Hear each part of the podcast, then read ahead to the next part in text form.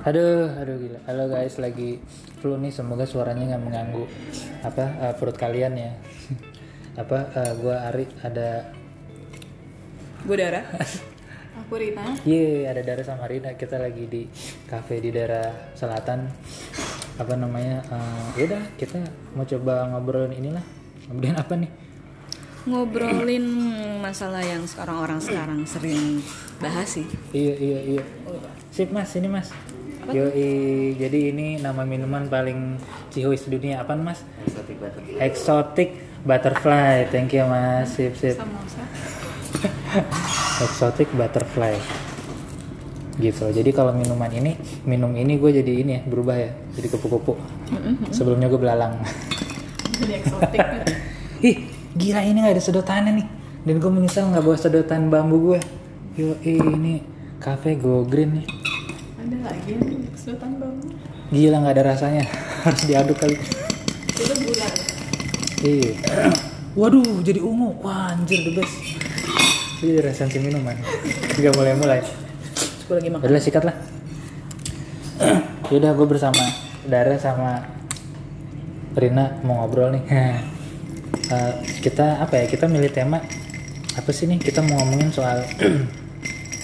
Jadi katanya kan kalau apa tuh buat sembuh, buat pulih kita harus maafin tuh kan. Atau orang-orang kan suka bilang udah sabar maafin aja gitu kan. Tapi sekarang gue mau ngasih ini antitesis, antitesis yaitu kita nggak perlu ini sih apa namanya nggak perlu maafin gitu buat bisa mulai pulih atau nyembuhin terus ya lah, kira-kira Dara atau Rina ada pengalaman tentang itu nggak sih Eh, lebih ke arah ini kali ya. Hmm, ya forgiveness tuh sebenarnya konsep yang rumit oh ya. iya kita ngomong forgiveness nih Yes, itu dia forgiveness kan, maksudnya memaafkan kan ya. iya Dan kalau gue sih merasa kalau eh, ngelakuin kesalahan apa nih misalnya, misalnya lupa bayar, lupa bayar utang aja kayak maafin gue ya, maksudnya sudah kayak gue merasa berarti memaafkan seseorang itu adalah sebuah keharusan. Kalau untuk hal-hal yang kecil-kecil mungkin iya, cuman kan kita ngomongin hal yang berat ya dan kadang-kadang kompleks nih. Maksudnya apa? Misalnya teman-teman yang kekerasan seksual segala macam apalagi dong? Kayak gitu apakah? Kan jadi pertanyaan juga apakah eh, apakah mereka tanda kutip pantas dimanfa- dimaafin atau enggak? Gitu atau yang membunuh segala macem ya itu kompleks ya gitu. Terus eh, biasanya orang-orang ngebahas kalau udah forgive tuh forget ini banyak banget diomongin terus menurut gue sih sejauh ini banyak yang cuma ngomong itu dan bullshit. Jadi ngomong iya gue forgive dan forget tapi sambil ngegas.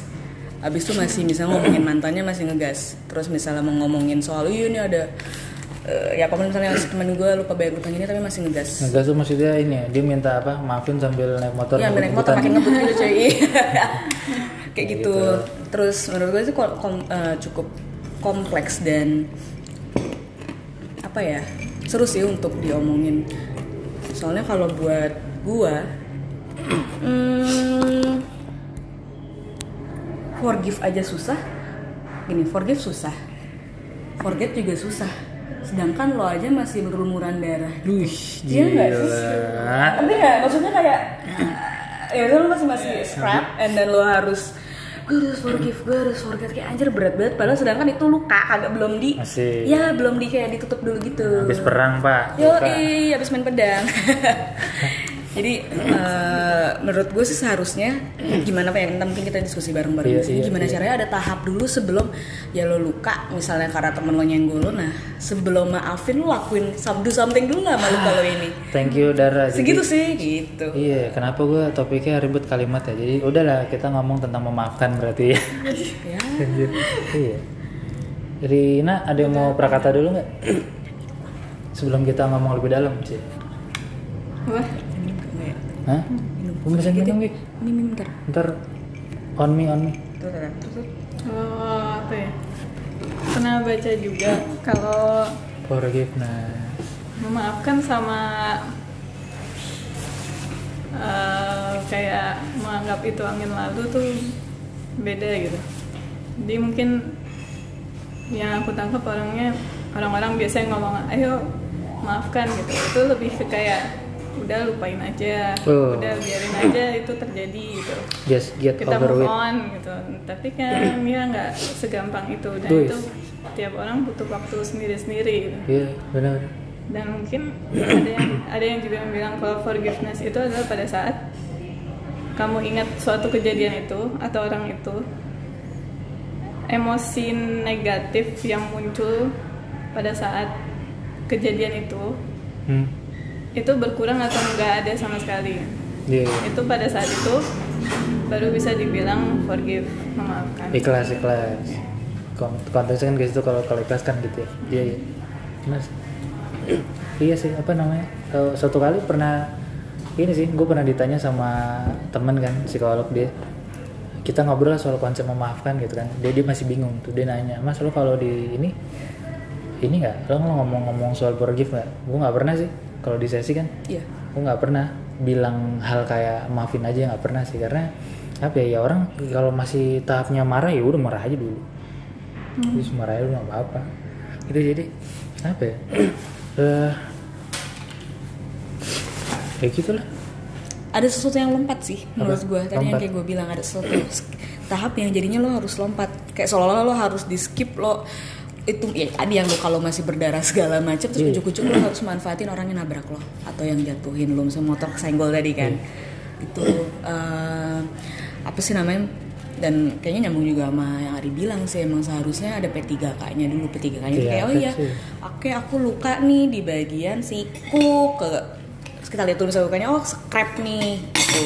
Scrap naonnya ya kegores Nah, ya kegores baru setelah itu ya baru dilakuin yang lain-lain sih Ri. Entah emang forgive or apa pun itu ya atau forgive ujuk forget anjir. Iya. nah hmm, kalau ngomongin forget kayaknya kan susah sih untuk ngelupain. Nah, kayak gue nggak sih? Kita tuh kayak ada ini ya.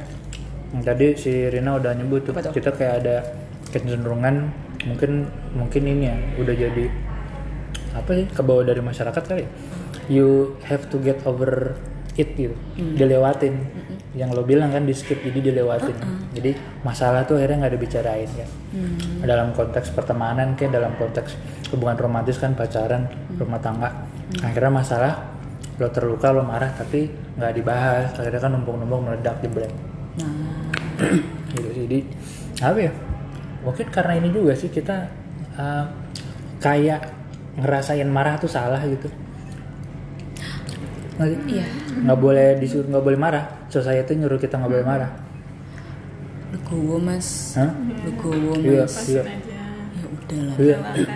Gue sih termasuk apa namanya hmm, yang kena dampak itu gitu. jadi uh, bonyok kan jawanya kenceng. Bonyok gue jawanya kenceng. iya iya iya. Nyokap gue tuh Madiun, bokap gue Magelang, jadi alusan bokap nah, kalau secara ini ya. Nyokap emang ngomongnya cenderung lebih kenceng Jawa Timur kan. Itu sih, jadi gue sih inget eh, apa namanya nyokap bilang ini anak tuh nggak boleh marah sama orang tua. Gitu. Nyokap gue dengerin gue. Tapi terus terang gara-gara itu, em, gampangnya gini deh, gara-gara omongan itu membentuk pribadi gue jadi sedemikian rupa sehingga gue dulu jadi suka nahan marah gitu. akhirnya di kemudian hari gimana ya, kalau gue apa bisa skip dulu ceritanya ujung-ujungnya gue diterapi gara-gara ini Hmm. gitu ada akibat dari gue suka nahan marah dari dulu Oh, baru setelah itu efeknya pas meledaknya deng gitu ya. Iya. Nah, nah eh, apa ya? Boleh lah gue cerita lah, cerita. Ntar cerita ya tentang nahan marah ya sesuatu ya. eh, cek. Kamu Iya, pesen nggak? Minum nggak? Aku Wah, tadi gue mau ngetes ini. Lo mesen bagus bagus. Mas sengaja nggak pakai sedotan ya? Iya. Iya, Mau pakai sedotan? Enggak, nggak usah. Oh, enggak. Saya ada itunya. punten ya. Thank you. Allahu Akbar. Ya emang Bapak, baru. Ah, ketutupan. Ini gula cair nih. Ah, Gue tadi mau ngomong apa ya? Iya. Gue mau ngomentarin dikit dong, Ri. Apa? Nih, kalau misalnya Habis. Nggak, Oh, bukan. komentarin ini. Tadi kan lu bilang, eh nyokap lo tuh bokap yang bilang, Iya. jangan marah, nggak boleh marah. Anak nggak boleh marah sama anak. Eh, orang anak nggak boleh marah sama orang tua. Nah, terus kalau lu waktu lu bilang nggak boleh marah, lu selalu ngapain? Diem gue. Akhirnya gue mendem marah. Gue inget. Oke. Ini masih kebayang nih, samar tapi kebayang gitu ya. Gue tuh inget zaman SMP. eh, kalau marah nggak bisa Itu gitu kan. Gue akhirnya marah di kamar mandi sambil nangis. inget tuh gue ini bayangannya masih ada nih di kepala gue gitu sih jadi eh, ngomongin anger nih asik anger. Iya. Oke. Apa namanya? Karena marah kan apa memaafkan kan melibatkan. Lo apa eh, tidak meluapkan marah lo karena terluka kan. Nah kan melibatkan itu juga. Nah, jadi apa namanya gara-gara se- sebetulnya waktu gue di terapi yang muncul itu tuh. Ada dua lah akar masalah salah satunya itu. Yang kedua guru SD gue ngomong gentleman nggak boleh nangis gitu. Ini cowok nggak boleh nangis. gue ngalamin kayak gitu-gitu. Ketanam tuh. Ketanamnya kayak gimana? Nah, kayak gini nih. Gue dulu waktu kelas waktu SD kelas 1 sampai kelas 4 tiap Senin tuh upacara kan kagak pernah hampir selalu gue berantem rusuh. Sama pentolan sekolah. Mungkin karena gue anak polisi gitu kan jadi digangguin mulu parah lah tuh. Jadi apa namanya eh, wah sering banget dibully digangguin gue dulu. Em, apa namanya kalau gue marah lucu.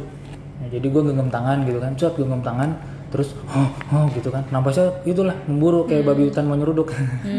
Nyeruduk ini nyeruduk pendaki yang buang sampah sembarangan cie kampanye dikit juga terus terus?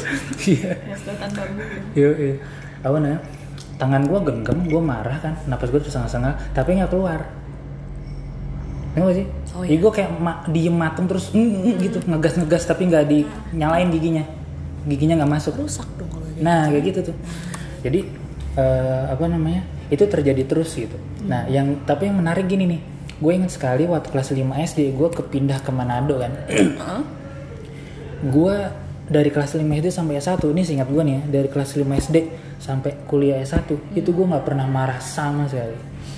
Totally nggak pernah. Gitu. Dan tentu saja gue baru nyadarin itu aneh ya. Mungkin pas S1 agak ke belakang semester 7 ke atas mau akhir deh itu gue baru bisa marah kali. Gitu S2 awal S1 akhir S2 awal gitu. Nah apa namanya eh, iya gue tuh kayak marah apaan sih? Nggak gak bisa gue nggak bisa. Dia kayak keblok aja. Nah tapi yang menarik waktu gua kelas 6 SD momennya adalah gua lagi bersih-bersih sekolah, wow debunya gila ampun-ampunan. Gue batuk-batuk, terus somehow orang apa bonyok gua ngebawa gua ke rumah sakit Polri. Nah, eh, eh tahu-tahu gue di EKG.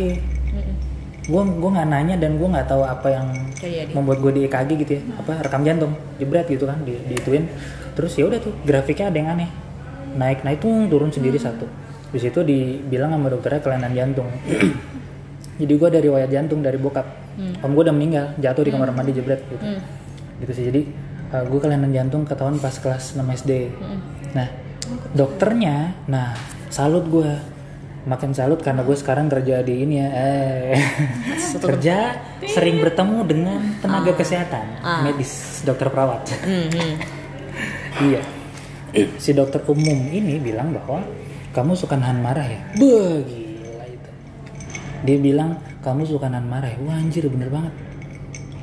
Jadi eh, gue yang suka nahan marah gitu kan.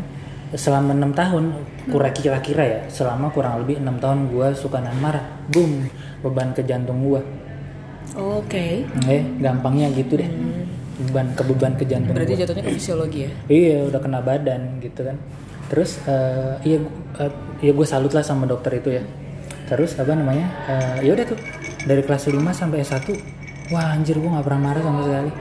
Nggak pernah marah sama sekali gitu. Jadi apa namanya? eh, tapi ya tipe-tipe yang kayak gini kan sebenarnya bahaya ya. You know, kalau toto marah kan duar meledak parah gitu kan. Gitu kan, Kecemen-cemen gitu. Jadi Oh, paham. gitu. Gue lagi mau bilang bahwa gue digangguin gue sakit hati dibully terluka. Sih terluka. Males banget. Dibully saya terluka. Apa namanya Ah, tapi marahnya gue pendem gue simpen. Duar. Akhirnya nyampe ke jantung. Gitu sih Kalau ceritanya Ari mungkin lebih ke arah fisiologi ya. Kalau misalnya gua lebih ke arah eh kayaknya dari dulu gue kayak tahu bahwa deep down gue punya anger issue karena biasanya eh, gue olahraga dan olahraga gue biasanya rata-rata yang agresif. Makin ke sini itu memang maksudnya kalau masalah ya maksudnya kan masalah dan lain sama Ari juga sih jadi makin ke sini kan pasti banyak dong masalah bukan masalah hidup ya ya pressure segala macam dedet lama-lama sama kayak balon di pompa mau meledak nah itu makin kerasa ketika gue lulus kuliah lah karena itu bener eh, pemilihan sorry bukan lulus kuliah Hmm, kuliah tingkat akhir emang banyak gue cerai dan kayaknya banyak gue pendem nggak jelas gitu karena emang nggak tahu harus ngapain. Nah kalau gue flashback lagi ketika gue perhatiin olahraga yang gue pilih adalah yang emang futsal kemudian muay thai boxing kayak gitu-gitu Anjir, di luar di lu apa setelah lulus kuliah pun makin nambah lagi. Gue semacam fencing intinya des- cenderung destruktif lah. Itu gue ngeh cuman ya udah. Nah yang gue sadarin ada ya oh, ya, kemudian gue ke terapi kemudian alasannya adalah ada kadang kalau misalnya gue hmm, di masa-masa tertentu ada gue sebegitu marahnya kemudian jadi ada blank blank apa ya? Kayak blank memori contohnya waktu itu gue ngeh kenapa gue butuh ke terapi adalah eh, yang gue ingat adalah gue waktu main futsal terus kalah. Kalahnya tuh kayaknya nggak enak banget. Terus eh, jadi seolah-olah tuh ya gue sadar sih gue enak banget. kayak lihat dari third person tuh kayak gimana ya? Ngelihat badan kita tapi dari third person. Gue ingat sahabat gue ada yang mulai ngikutin karena takut darah nih kenapa katanya sih eh gue antara sadar nggak sadar jadi gue katanya ke depan ini ke depan gor terus gue nendang-nendang ini katanya nendang-nendang kayu atau apa nggak jelas. Terus waktu lagi evaluasi pun katanya gue teriak-teriak doang ditahan sama mereka sih emang mereka nyuruh gue keluarin. Tapi karena saking udah nggak jelas rasa campur aduk jadi cuma marah-marah sampai dikira kerasukan. Itu yang pertama. Yang kedua yang gue inget adalah eh gue lagi waktu boxing di gym gue sparring nih disukai sparring pertama kali sparring langsung lawan yang udah lama gitu kan. Jadi kayak gue awalnya ditabok-tabok gitu. Terus eh, ya udah gue kan bukan minder kayak hmm gitu masih anak baru. Nah coach gue teriak dar lepasin. Itu kayak bener-bener ada kata kunci yang bisa prak karena gue langsung lupa yang gue inget adalah gue apa ya dari dari takut terus gue sadar mulut gue nyengir. Terus kayak seolah-olah ada sesuatu yang lepas dari diri gue terus gue lupa kayak itu bener-bener blank space sadar-sadar lawan gue udah nangis.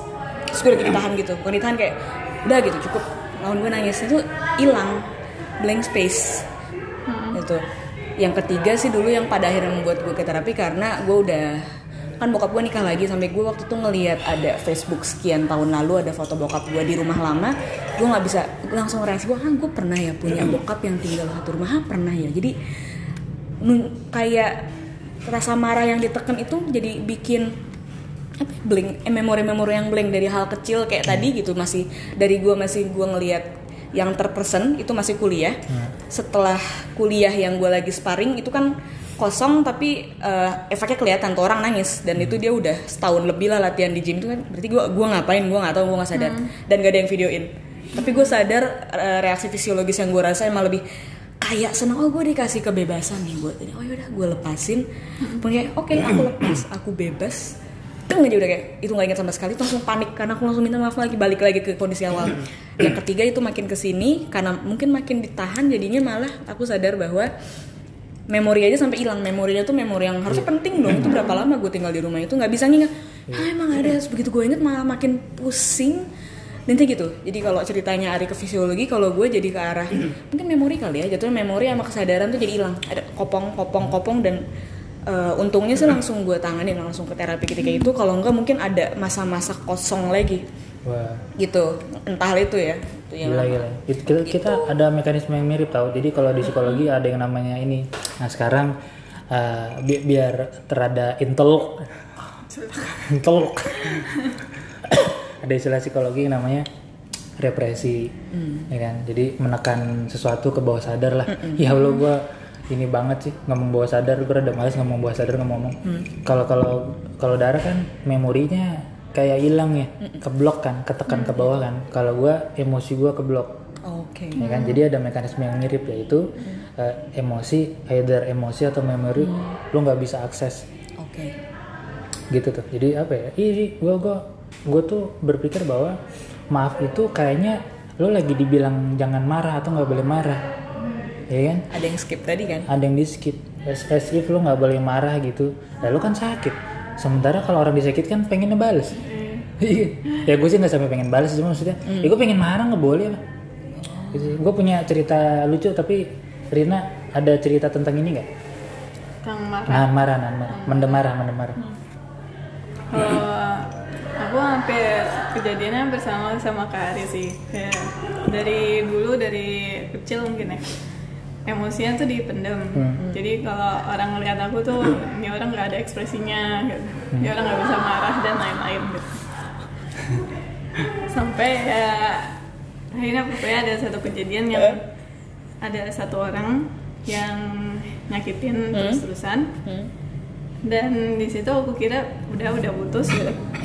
Di situ aku kira aku sedih. Nah, disakitin sama itu orang. Mm-mm.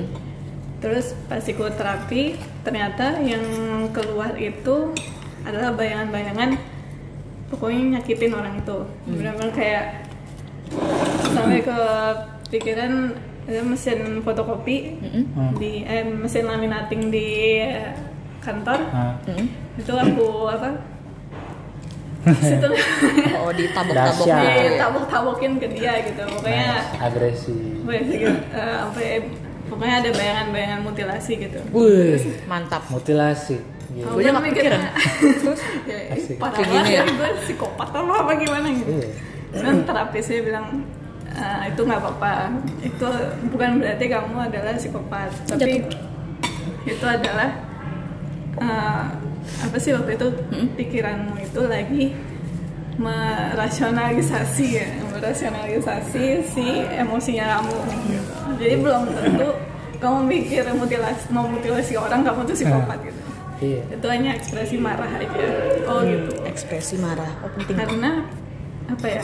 Kan orang marah itu biasanya pengen apa ya? Menyalurkan tenaganya gitu. iya benar kalau aku kalau marah itu ketawa gitu. oh Jadi kayak menarik menarik ada eh, yang keluar itu respon yang keluar itu enggak apa ya kayak nggak benar gitu bukan nggak benar ya kayak nggak sinkron gitu sama emosinya reaksi Oh. formasi asik kita kita bisa bahas itu tuh kalau marah ngapain reaksinya apa ya iya iya siapa Ngerasanya nih sih. Iya jadi yang dialamin Rina tuh kayak agresi yang ditekan kan, jadi marahnya ditekan.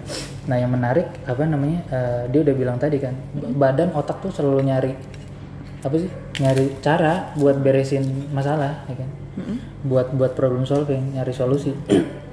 Akhirnya marah yang ditekan, agresi yang ditekan berbuah. Menjadi imajinasi, yoi, fantasi.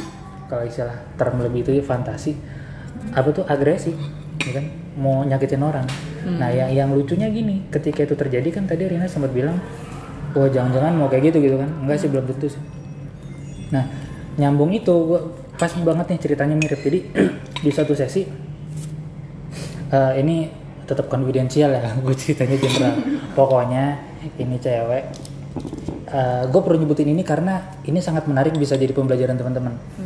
Eh, dia kebetulan bernikok nikok tau nikok gak? Nggak. cadaran cuy.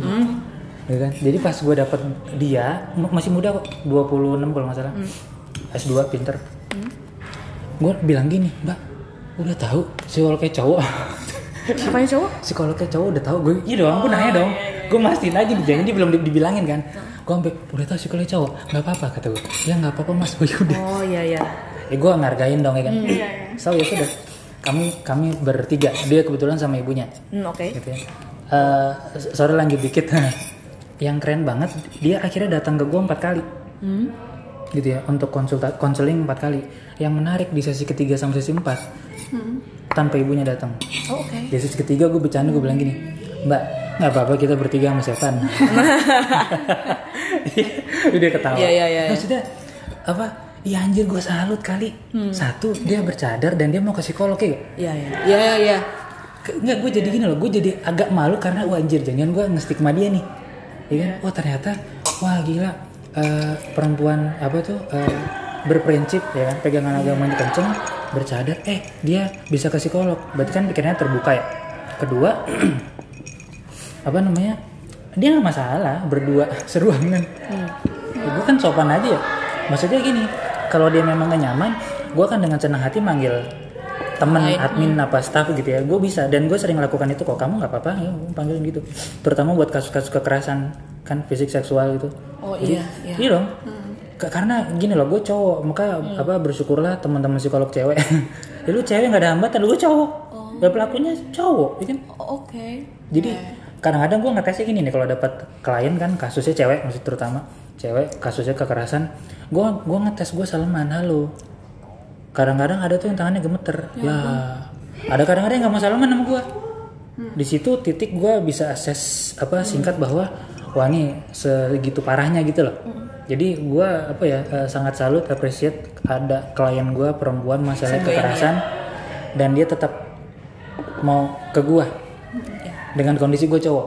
Dan gue nggak gue nggak masalah gue nggak take it personal jika mbak masalah nggak saya yang cowok? Gue selalu nanya gitu kalau mau tahu. Dan gue sering nemuin jawaban apa coba? Ya nggak apa-apa deh. Oh itu ya. gantung. Ada meta message-nya gitu. Gitu jadi gue gue sih nggak apa-apa nggak masalah. Balik. Jadi si apa mbak mbak bercadar ini eh, waktu sesi pertama nih dia dia nangis nangis tuh gitu kan. Nangis nangis lah pokoknya ada. Lucu dia ngomongin ke gue Eh, apa namanya? Eh mas boleh nggak sih? Saya doain dia yang jelek-jelek. Saya nggak lu di sini gue lagi-lagi kayaknya nge-stigma ya. Ternyata ya elah. Kita mah sama aja. Lo nggak usah lihat atributnya. Kita mengalami hal yang sama kita mengalami kesakitan yang sama. Oh. ini nggak sih ungkapannya? Ngerti ngerti ngerti. mas saya boleh nggak sih doain dia yang jelek-jelek? Tau nggak lu? ibunya buluk melotot Hah, apa? Sumpah gue kayak sinetron gitu. Apa? Ibunya. Hah? Enggak, ibunya eh, kerudung biasa seperut. Gitu. Jadi lucu lah gue liat ekspresi ibunya terus gue bilang bu santai aja itu ungkapan kes- segitunya? iya gue langsung langsung langsung motong bu santai aja itu ungkapan kesalnya doang iya kan nggak gini nih Eh, apakah orang-orang berpikir kayak yang Rina tadi kan? Apakah jangan-jangan orang tuh berpikir yang lo pikirin sudah pasti lo lakuin? Iya sih. Nah, yang lo pikir apakah sudah pasti lo lakuin? Kagak. Enggak. Jangan-jangan itu ungkapan kesel marah lo doang. Gitu. Loh. jangan-jangan itu ungkapan. Iya iya. nah jadi ketika gue bilang j- jawaban gue gini jawaban gue lah kamu nanya sama psikolog boleh lah. Kalau kamu nanya sama ustadz nggak boleh Cerdas. iya kan? Ketawa dia. Sumpah ketawa sambil nangis. Tapi tau nggak ketika gue bilang itu please langsung tenang mukanya. Langsung tenang langsung cerita. Gitu sih. Jadi nah gue lantas eh bentar. Sebelum dia ngomong itu sebenarnya ada ungkapan satu lagi sih. Tapi semoga kita sama-sama bisa santai nyikapinnya ini bagus lah buat pembelajaran lah buat buat refleksi. Jadi eh, mbak ini bilang bahwa mas gimana caranya ngilangin sakit di dada ini cie ya elah Oke. dia gue. Iya, gue berpikir, Hah, menurut gue pertanyaan itu agak aneh. Gue, maksudnya gue sering dengar sih, tapi untuk mendengar kalimat itu dari seorang Iya, yang, iya. you know, lagi-lagi gue yang stigma sama mbak ya. Ah, gue respon gue gini, ya rasain aja mbak perasaannya. Gue ngomong gitu. Yang setelah gue hayatin, respon gue itu ya adalah lo tuh nggak lo tuh nggak pernah ngerasain emosi lo ya yang negatif negatif lo nggak pernah ngerasain marah lo sedih lo ya? Gitu loh maksudnya. Ya rasain aja mbak perasaannya. Yang dirasain apa? Te jadi gua minta dia ceritain emosinya. Ah, gitu. loh ngejelasin apa yang dia rasain. benar. Lalu dia ngomong yang itu ya boleh nggak ngomong doain yang jelek kan? Just gitu. Itu mukanya langsung tenang dan dia pelan pelan cerita bagaimana kesalnya dia sama orang yang nyakitin dia ini. Gitu ya. Jadi enggak gue gue berpikir gini nih. Eh, ini udah lepas dari gua stigma dia ya. Jadi apa jangan-jangan dia bisa jadi eh, salah satu representasi apa namanya gambaran orang-orang umum. Yaitu lu tuh kayak semua harus disabar-sabarin. Ya sih harus dimaafin aja gitu. Dan lo nggak boleh ngerasa sedih ngerasa ngerasa marah. Ya akibatnya gitu loh. Bingung sendiri. Karena kita apa namanya nggak nggak dibiasakan menyelami emosi c. Tapi harus terutama mungkin Dara ngerti nih kalau di olahraga gitu kan lo bikin salah di kampret kampretin kan wah gitu aja cemen banget sih gitu kan. Jadi lo apa sih ya rasa sakit itu tuh kayak dilewatin aja gitu. Ya di skip. iya tapi kan ada Ada bisa Ada. jatuhnya pusing lah, Nah. apalah psikosomatis lah, Iya. meledak lah, bu. gitu loh. Jadi gue gua berpikir jadi lebih jauh lebih dalam uh, ke wah gua kok jadi agak ngeri bahwa uh, apa jangan-jangan ada kontribusi ya kontribusi keluarga masyarakat yang membuat kita kayak tabu merasakan kemarahan dan kesedihan kayak itu hal yang jelek hal dosa aja gitu Jangan takut, jangan sedih. Aing kudu ngapain dah emang sedih. iya jadi gitu sih. Apa yang bisa gue bilang? Apa? Ya? Marah mau marah aja. Gitu ya. Tapi gue gua apa uh, fair-fairan gue mau bilang gue nggak bisa eh, tahu juga apakah si mbak itu akhirnya doain dia. Ah, ya, kagak tahu. Gua nggak tahu. Tapi yang bisa gue bilang pas gue bilang ya udah gitu kan. Ya boleh kan langsung tenang. Dan dia langsung cerita karena gue sudah me- memperkirakan kemungkinan lagi-lagi karena gue cowok gitu kan dan gue tidak tampak ini agamis. Bukan tampak selengnya santai gue jadi bisa jadi ada hambatan komunikasi gitu loh. Hmm. tapi ternyata malah jadi lancar. Ya ya ya ya ya. gitu sih. Dan menariknya dia malah ceritain yang dirasain. Menceritakan yang dirasain. Gitu. seberapa sering sih lu atau seorang anak dalam keluarga melakukan itu gua nggak terus gua pribadi di rumah gua nggak apa ya wah kalau gua bilang gak bisa nginget sama sekali rada gimana tapi at least gua agak susah mencari momen di mana gue bisa menceritakan perasaan gua gitu atau bilang gua kesal sama bonyok itu nggak pernah lah Hmm. oh nggak pernah itu ya Ya ya ya. Eh? Kalau nangis pun disuruh jangan nangis. hmm. So gue harus ngapain? gue di terapi kan? Oh, ya ya ya ya, ya. benar benar benar kayak gitu. Hmm, terus waktu gua kecil jatuhnya nendang nendang nendang bola ke tembok, gue inget banget. Iya. Karena nggak jangan mar- bukannya lebih ke kalau nangis ya jangan nangis. Terus kayak terus harus ngapain? Iya. Emang eh, untungnya kalau ketika waktu kecil kan kecil masih mungkin masih enye-enye gitu. Jadi Iya. masih bisa ngalihinnya dengan cara yang benar tapi ada kalanya para- peralihan ke katarsis yang seagresi apa pun sedestruktif apa pun lama-lama nggak cukup. Karena kan ya misalnya Iya. kapasitas balonnya itu kalau kita ngomongin balon ya nggak cukup lah lama-lama. Dengan jauh misalnya anginnya kan makin gede gitu. Iya. ya nggak cukup pada ininya berarti kalau kita ngomongin balik lagi ke forgiveness itu Forgiveness. hal yang di skip pertama adalah kita sadar Marah. dulu emang itu sakit kalau Iya, itu sakit. marah. Betul betul. Gitu sih. Jadi apa ya eh, langkah pertama ya? iya tentang memaafkan dan apa iya memaafkan. Nah gue gua dan term ikhlas gitu ya gue nggak pernah suka term itu. Terus terang dari dulu. Gue menggunakan kata yang lain yang lebih konkret. Nah buat gue yang konkret adalah melepaskan Ya kan? sebelum melepaskan berarti harus menyadari nyadarin? Yes Iya. that's right. Gitu. jadi ngelepasin apa? Ngelepasin emosinya? Emang kadang orang tuh bingung ngelepasinnya gimana. Nah bagus tuh. Benar-benar gimana? Susah ngelepasin bingung ngelepasinnya Ngelepasinnya gimana? soalnya biasanya entah Gua baru nyoba kalau cerita ya. cerita doang Iya. udah cukup. Tang- an- ada yang nanggung gitu. Ada yang teman aku juga cerita dia tuh sering nangis keluar tapi nggak tahu kenapa. Nah menarik tuh. Hmm. Padahal udah nangis udah cerita tapi tetap aja kayak begitu ya, masih aja gitu. Sampai lo apa di titik di mana eh, nggak bisa nangis. Wah Terus ada kan ngapain lagi? Nah itu enggak kadang-kadang kan lo nangis tapi Ah, Karina bilang tapi ya gitu kan. Tapi itu masih better gitu karena ada orang yang udah nggak bisa nangis tapi sakit ampun-ampunan. Bingung mau ngapain ya kan? Tambah lah puyeng itu sih jadi gue jadi inget ini nih eh, Dewi Lestari tuh gitu. Parang Supernova dia tuh punya ungkapan yang menurut gue bagus banget. Jadi ini tentang melepaskan ya let, let go. Nah letting go. Eh, jadi kata dia eh, orang-orang kan fokus di melepaskan ya. Nah ini nyambung yang ke Dara bilang sih sebelum ngelepasin lo ngapain gitu kan. Si si Dewi Lestari bilang eh, orang-orang tuh fokusnya di melepaskan. Terus Rina bilang melepaskannya gimana? Intermezzo lagi ya buset gue double intermezzo ya double motong gue ingat banget waktu kuliah ada kelas transpersonal jadi do- dosen transpersonal itu mandu kami semua meditasi kan.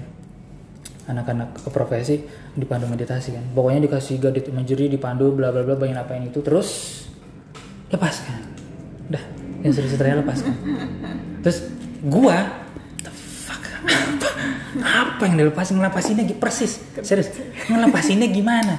Temanku juga ngomel-ngomel sama gua "Ri, ngelepasinnya gimana sih itu nggak dikonkretin ngelepasinnya gimana? Nah terus kebetulan sih ada slide. Habis itu dia ngasih slide ya. Salah satu slide itu ada gambar eh, orang nerbangin burung.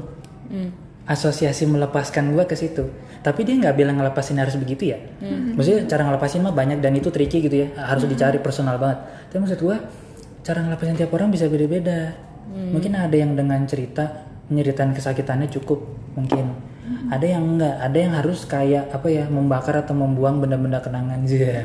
Oh iya ada Ya yang kan? kayak gitu. simbolik Ngedelete postingan IG tuh kayak, oh udah foto barang pemberian ya kan? Enggak itu kan simbolis. Tapi poinnya dalam benda-benda itu kan ada energi ada emosi. Sael. energi mistis. Iya. Selama ada benda itu masih ada ini lo ketertarikan aja masih ada hal yang mengingatkan. Keterikatan. keterikatan, sorry. Attachment keter- keterikatan. Jadi lo masih kayak terhubung iya. Kayak skripsi gitu. Iya anjir. Iya kan? terlalu banyak yang ngingetin ya kan? Terlalu banyak yang ngingetin. Jadi Jadi, mm, apa namanya? Nah balik ke Dewi Lestari. Orang-orang fokusnya ke ngelepasin. Ibarat kata kayak apa sih eh, lo lo genggam sesuatu kan lo fokusnya di ngelepasin tapi sebenarnya yang lo, lo harus lakukan pertama adalah lo sadarin yang lo genggam apa. Wah itu buat gua buat gue pribadi ngena ya. Jadi fokusnya bukan di melepaskan tapi lo nyadarin yang lo genggam tuh apa. Menurut lo menurut lo kalimat itu maknanya apa buat lo? Di, di, di gue bisa beda ya tapi gue pengen tahu dari kalian tentang untuk melepaskan lo tuh harus sadar dulu yang lo genggam tuh apa lo lo makna ini gimana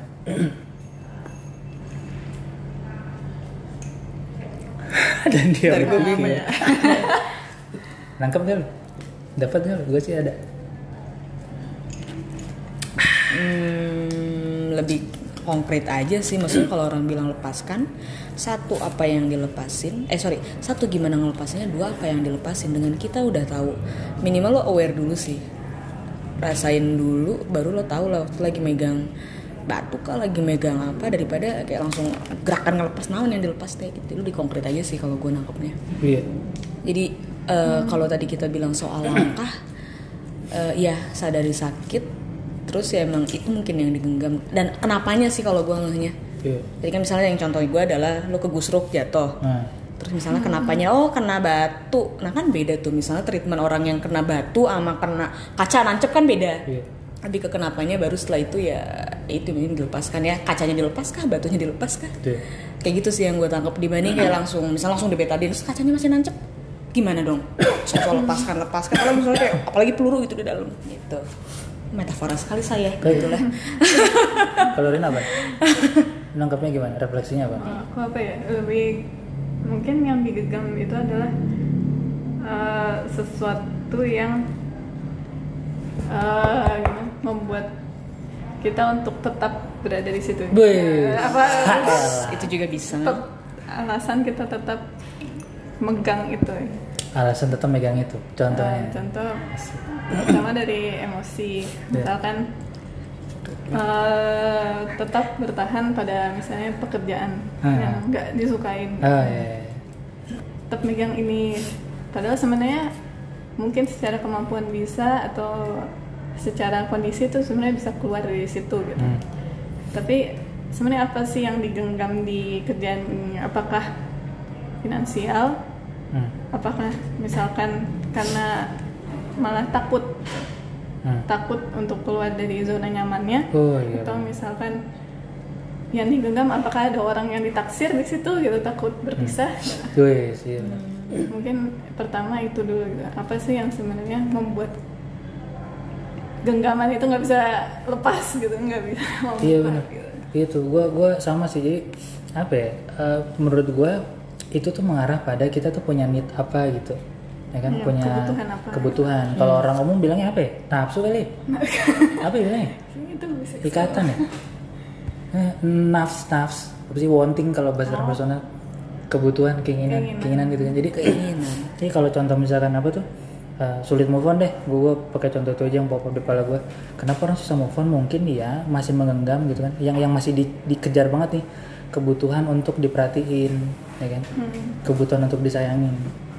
Jadi yang dilepasin apa? Nah gue konkretin nih yang dilepasin adalah saat uh, sebelumnya lo nyadarin dulu lo punya kebutuhan untuk disayangin. Hmm. tadi Rina udah bilang tuh ada ketakutan untuk ngelepasin pekerjaan gitu kan. Apa sih? Ketakutan apa sih ya ya kerjaan kan kerjaan yang toksik gitu Iya, misalnya jadi apa yang namanya? eh, menurut gua kalimat itu canggih karena eh, lo diajak ngelihat ke dalam, which is Hmm. menghadapi diri lo yang punya flow gitu, punya kekurangan, yaitu lo takut itu. kebutuhan-kebutuhan yang Nah, lo tidak takut, terpenuhi? takut itu hilang. ya kan kontrol lo takut kehilangan kontrol gitu jadi apa namanya ketika lo sadar lo punya need itu nah baru lo bisa ngelepasin. Gitu jadi itu sama yang kayak dari bilang di awal apa rasain sakitnya dulu. Kalau enggak lo pasti lo bingung ngelepasin gimana. Jadi buat gue maknanya adalah lo nyadarin yang yang lo apa sih yang lo pengen apa. Gitu. Baru setelahnya kalau udah let go?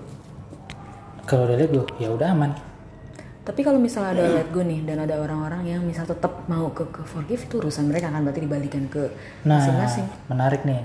gue gue coba ngobrol-ngobrol ke sini sekarang ya.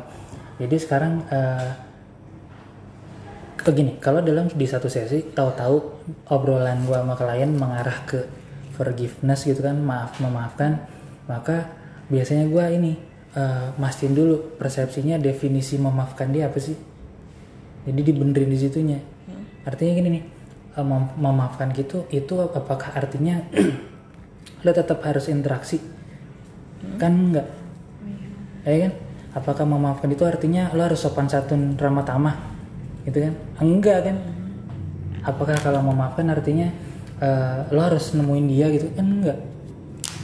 Lo justru lo harus ingat pernah ada kejadian ini sehingga lo bisa aware kalau nanti nanti ada apa-apa. Jadi gue benerin definisi memaafkannya dulu memaafkan bukan berarti tapi kamu melepaskan beban kamu gitu gitulah jadi dibenerin definisinya dulu. Gitu sih. Jadi ada yang pernah ngomong sama gue gini ini dalam kasus ini ya. Eh, apa ya kekerasan pokoknya kayak sangkutannya ke hukum lah. Dibilang gini "Eh, mas saya apakah harus lapor polisi? Gitu kan. Gua kalau gua nggak salah jawaban gua gini deh. "Eh, bu tugas saya peran saya bantu ibu melewati masa ini gitu. Dan dan beban ibu terangkat. Gitu. mulihin ibu nyembuhin ibu. Kalau habis eh, sesi-sesi ini nanti ibu mau berpikir harus ngelaporin polisi atau tidak itu udah jadi hak ibu. Maka melaporkan ke apa tuh bawa ini ke kasus hukum gitu kan dibawa ke ranah hukum mungkin jadi hal yang penting karena ibu merasa harus ada yang dilindungin. Oh. Keluarga misalkan gitu kan dan orang ini mengancam Iya, dan iya, itu iya, sah-sah saja. Nah gitu tuh maksud gue. Jadi kalau lo maafin ya bukan berarti apa tuh? Eh, kelar perkara enggak juga. Nah ini ini yang maksud gue lo lo benerin dulu lah definisi maafin lo apaan lo lo bisa sudah pulih bisa sembuh tapi lo masih kalau lewat TKP cila TKP lo masih deg-degan dan itu normal banget. Gitu kan? Lo dalam satu waktu apa ya eh, pesta ulang tahun gitu kan? Orang-orang lagi seneng lo seneng tapi di saat itu lo sedih gitu kan? Iya nggak apa-apa atau orang orang lagi berkabung terus sama lo ketawa sesuatu ya udah kali. Jadi maksudnya ma- emosi manusia kan kom- kompleks. Jadi apa ya spektrum aja. Itu sih menurut gue jadi kalau itu udah selesai terserah lo. Lo mau ngapain? Lo tetap mau kontak ya boleh enggak ya enggak. Tapi kan poinnya eh, menurut gue ya lo lo udah bisa hidup dengan enteng tanpa membawa itu tadi emosi itu dan mengganggu keseharian lo gue rasa intinya tuh lo berfungsi normal lagi ah gitu Ada yang gini kan, kalau saya putus sama orang, yuk nggak mau nggak mau kontak dia gitu. Terus dibilangnya, ah kamu belum move on ya, Ya. gitu. Padahal itu sebenarnya kan serah dia kan apa ya, ya terserah, Terserah. dia, bukan berarti itu belum move on. Benar. Tapi mungkin dia cuman kayak membatasi dirinya terhadap yang hal-hal negatif itu. benar. Jadi kita itu gue paling gak suka tuh ya omongan ngejudge kayak gitu. Tadi Rina ba- bagus tuh kalimatnya tuh. Udah move on tapi nggak mau dikontak kan. Lalu orang komentar kan wah lu belum move on. Ya kagak kali. Ya masalah dia ngelindungin dirinya dari sakit hati lagi tuh. Kan sah sah aja. Siapa tahu pun dia melakukan itu bukan dengan ketakutan kan sih ya kan? Bukan dengan dadanya sek napas tersengal-sengal gitu ya. Nggak? ya kan orang nggak tahu. Orang cuma bisa komentar. Nah itu tuh jika lo bisa nutup kuping dari komentar orang lain itu baru menurut gua lo udah forgive oh gitu lo ngelakuin yang lo pengen bikin boundary kalau bahasa gua